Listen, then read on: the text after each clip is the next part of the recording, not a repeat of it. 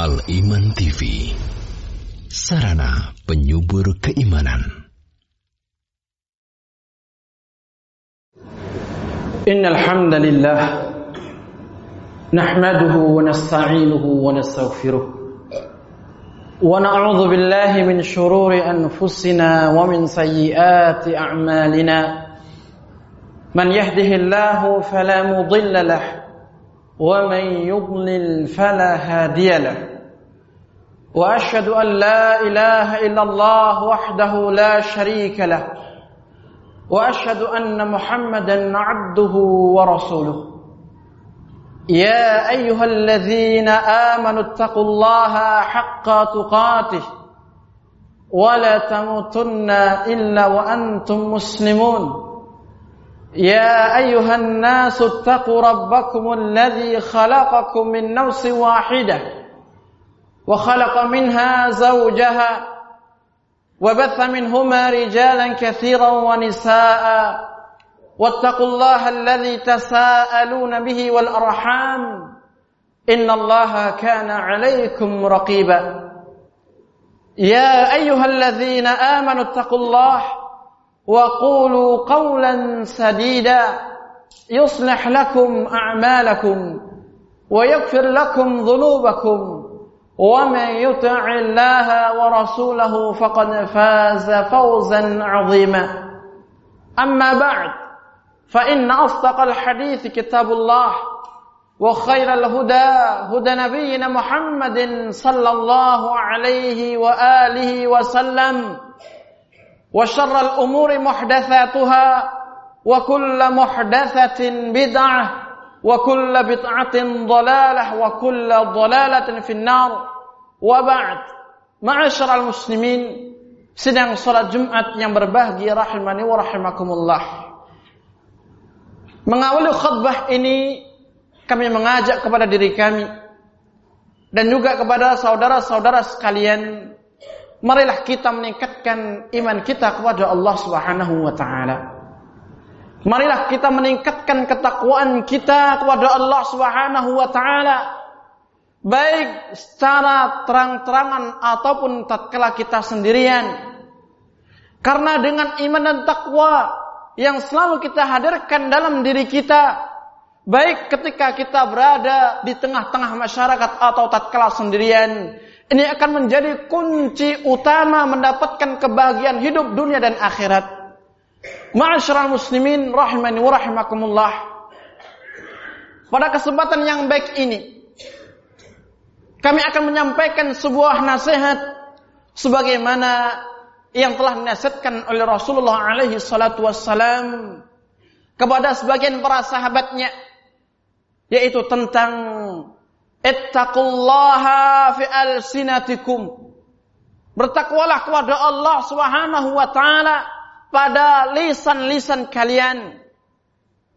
Ma'asyiral muslimin rahimani wa rahimakumullah.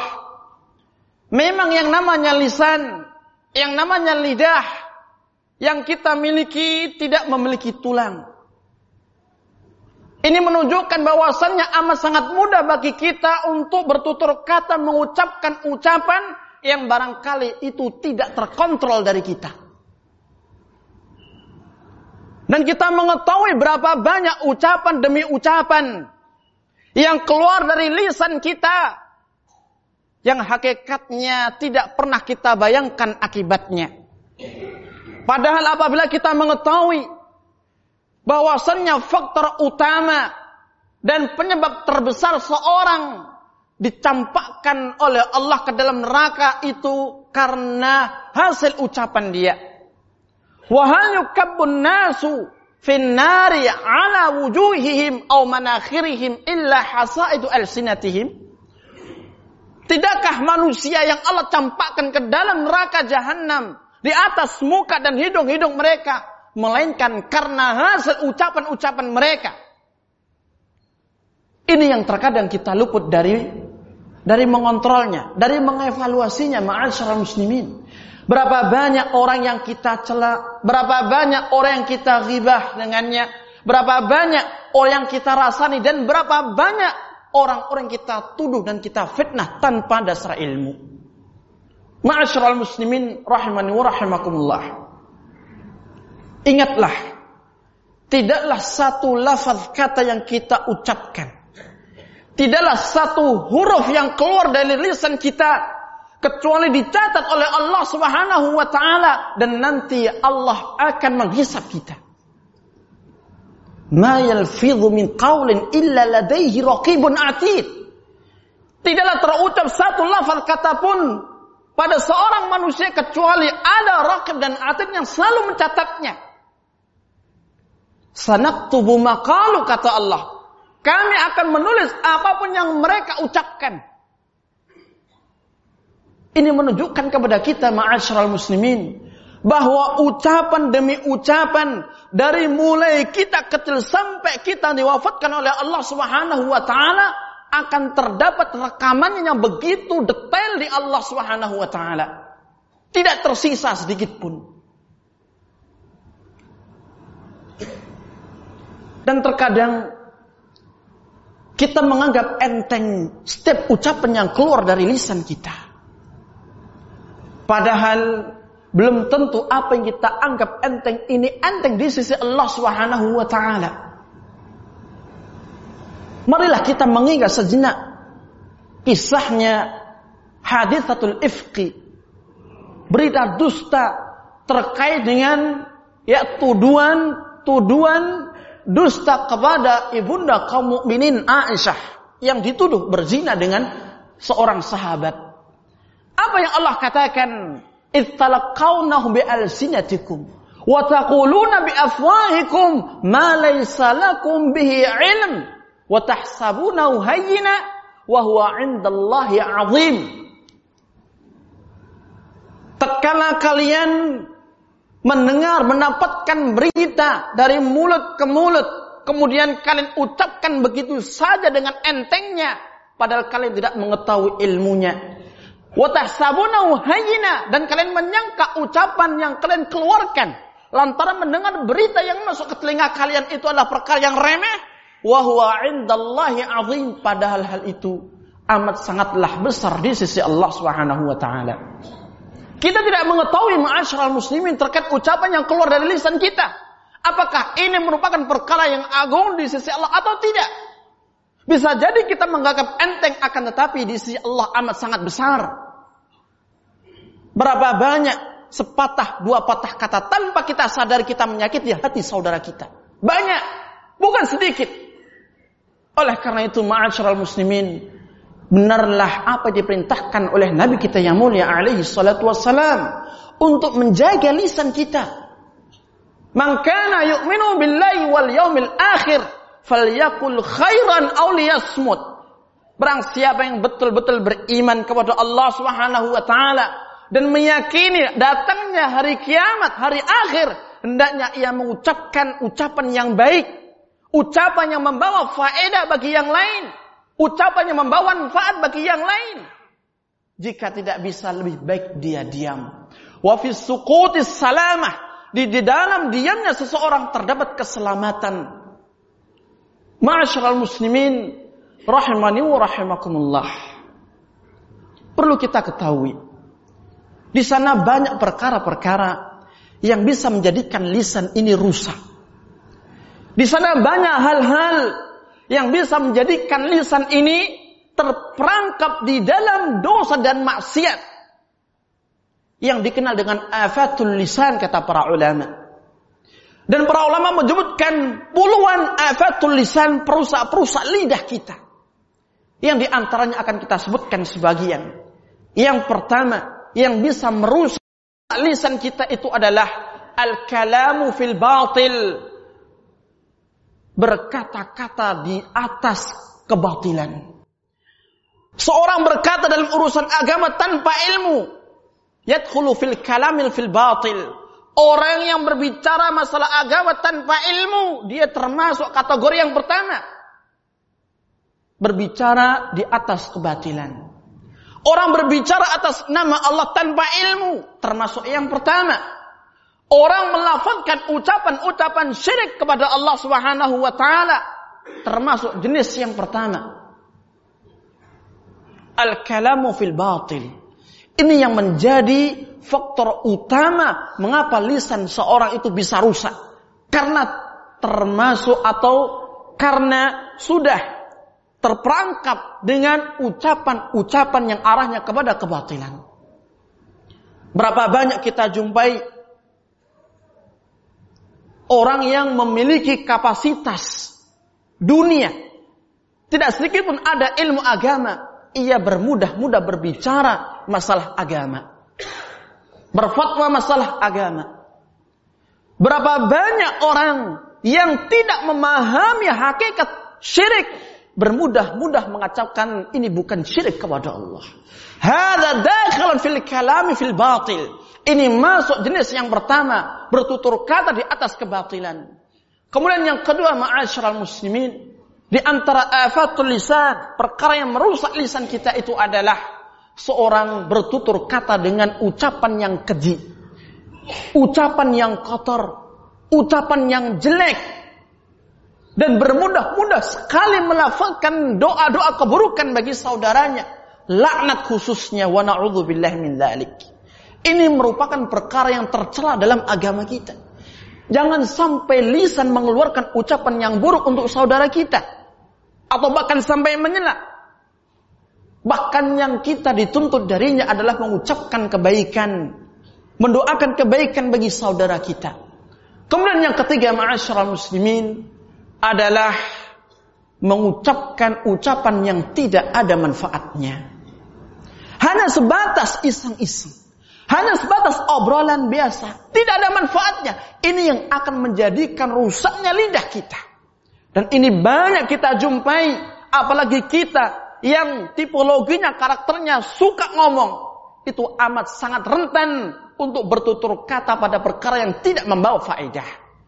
Nabi kita yang mulia alaihi salatu wassalam mengatakan min husni islamil mar'i tarkuhu ma la ya'ni Tanda baiknya Islamnya seseorang adalah dia meninggalkan perkara yang tidak ada manfaatnya bagi dia. Kalau seandainya tidak bisa meninggalkan ucapan-ucapan yang tidak bermanfaat, ini menunjukkan jelek dan buruknya agama dia.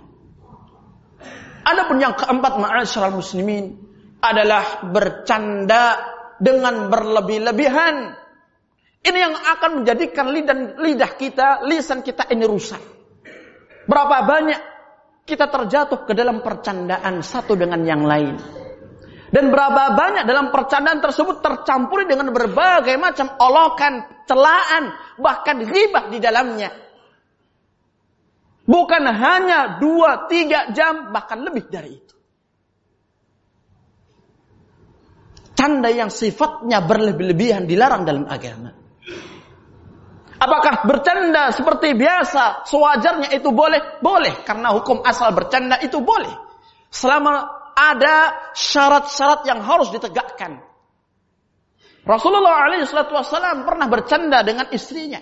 Pernah bercanda dengan Anas bin Malik. Pernah bercanda dengan saudaranya Anas bin Malik. Dan seterusnya. Namun pada batasan yang sewajarnya. Tidak sampai berlebih-lebihan. Bahkan di dalam candanya Rasulullah tidak ada dusta sama sekali. Beda dengan diri kita. Tidak sedikit pun ucapan yang kita sampaikan di dalam percandaan kecuali ada unsur kebohongan, kecuali ada unsur dusta dan ini yang merusak lidah kita, merusak lisan kita. Kemudian ma'asyiral muslimin, perkara yang kelima adalah ghibah dan mengadu domba antara sesama kaum muslimin. Ghibah amat sangat mudah dilakukan. Dan amat sangat sering kita terjatuh ke dalamnya. Tanpa kita sadari. Tanpa kita renungkan apa akibat ke depannya. Padahal Allah subhanahu wa ta'ala mengatakan, Ayuhibbu ahadukum an ya'kula lahma akhihi maita fakarihtumu. Ketika kalian menggibah saudara kalian, apakah kalian ini mau memakan daging bangkai saudara kalian sendiri, tentu kalian akan jijik dengannya. Maka seperti itulah balasan ketika orang melakukan ghibah, apalagi mengadu domba antara satu dengan yang lainnya. Ma'asyiral muslimin rahimani wa rahimakumullah. Lima perkara yang kita sebutkan ini adalah di antara perkara yang bisa merusak lisan kita. Sehingga dari sini hendaknya kita menjauhinya. Hendaknya kita menjaga lisan kita ma'asyiral muslimin rahimani wa rahimakumullah. Janganlah kita bermudah-mudah berucap kecuali sudah kita pikirkan matang-matang apa akibatnya. Janganlah kita berucap kecuali di situ terdapat manfaatnya bagi kita atau bagi saudara kita sesama kaum muslimin. Aku lu qauli hadza wa astaghfirullah li wa lakum.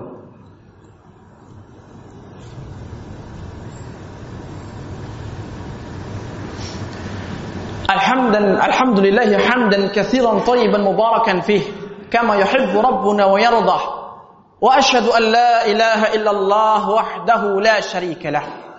وأشهد أن محمدا عبده ورسوله أما بعد. معاشر المسلمين رحمني ورحمكم الله.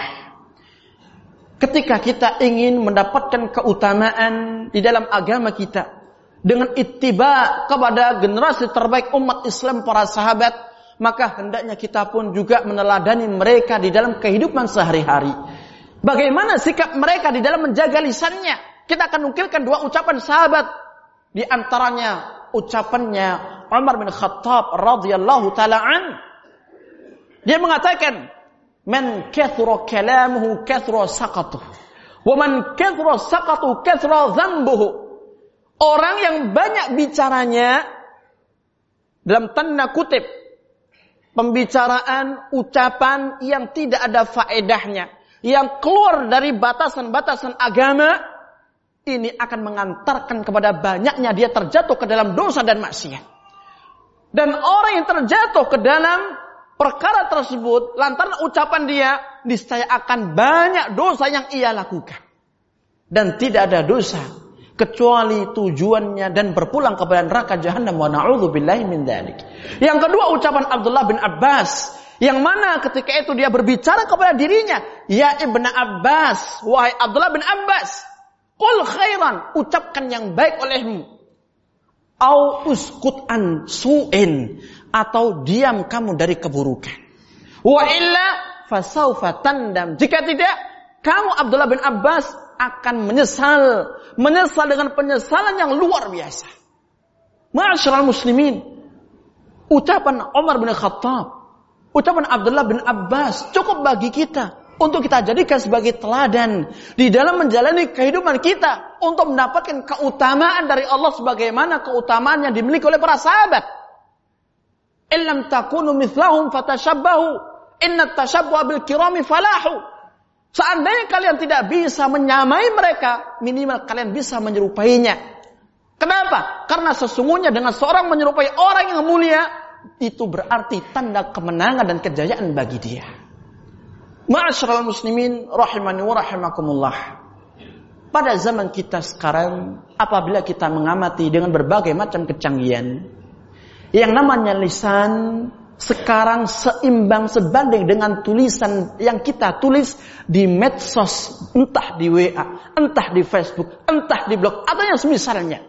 Maka hendaknya kita bertakwa kepada Allah Subhanahu wa taala. Pada setiap tulisan yang kita tulis, pada setiap tulisan yang kita share, Mengapa demikian? Karena ini akan mengambil hukum yang sama dengan lisan yang sangat mudah untuk berbicara ma'asyar muslimin. Wala'ulatul jami'ah. Dan alasan yang mengumpulkan keduanya adalah tidak adanya kontrol, tidak adanya sebuah evaluasi ya terkait dengan apa yang akan ia dapatkan. Apakah yang akan ia tulis itu bermanfaat atau tidak? Apakah yang ia tulis menyakiti orang lain atau tidak? Itu terlepas dari kontrol kita ma'asyiral muslimin. Oleh karena itu bagi kita semuanya yang hidup di zaman penuh kecanggihan ini hendaknya berhati-hati di dalam menggunakan media-media yang ada Hendaknya berhati-hati di dalam menulis, hendaknya berhati-hati di dalam berucap. Mengapa? Karena ini semuanya akan dimintai pertanggungjawaban di sisi Allah Subhanahu wa taala dan sebaik-baik jawaban adalah dengan kita mengevaluasi sejak dari sekarang. Dengan cara apa? Meninggalkan perkara-perkara yang batil, meninggalkan perkara-perkara yang tidak ada manfaatnya. Semoga yang sikat ini bermanfaat bagi kita semuanya. Allahumma salli ala Muhammad wa ala ali Muhammad. كما صليت على إبراهيم وعلى آل إبراهيم وبارك على محمد وعلى آل محمد كما باركت على إبراهيم وعلى آل إبراهيم. إنك حميد مجيد. اللهم اغفر للمسلمين والمسلمات والمؤمنين والمؤمنات الأحياء منهم والأموات. إنك سميع قريب مجيب دعوات. فيا قاضي الحاجات. ربنا اغفر لنا ذنوبنا وكفر عنا سيئاتنا وتوفنا مع الأبرار. ربنا اغفر لنا ذنوبنا والإخواننا الذين سبقونا بالإيمان ولا تجعل في قلوبنا غلا للذين آمنوا. ربنا إنك رؤوف رحيم. ربنا هب لنا من أزواجنا وذرياتنا قرة أعين واجعلنا للمتقين إماما. ربنا أرنا الحق حقا وارزقنا اتباعه وأرنا الباطل باطلا وارزقنا اجتنابه.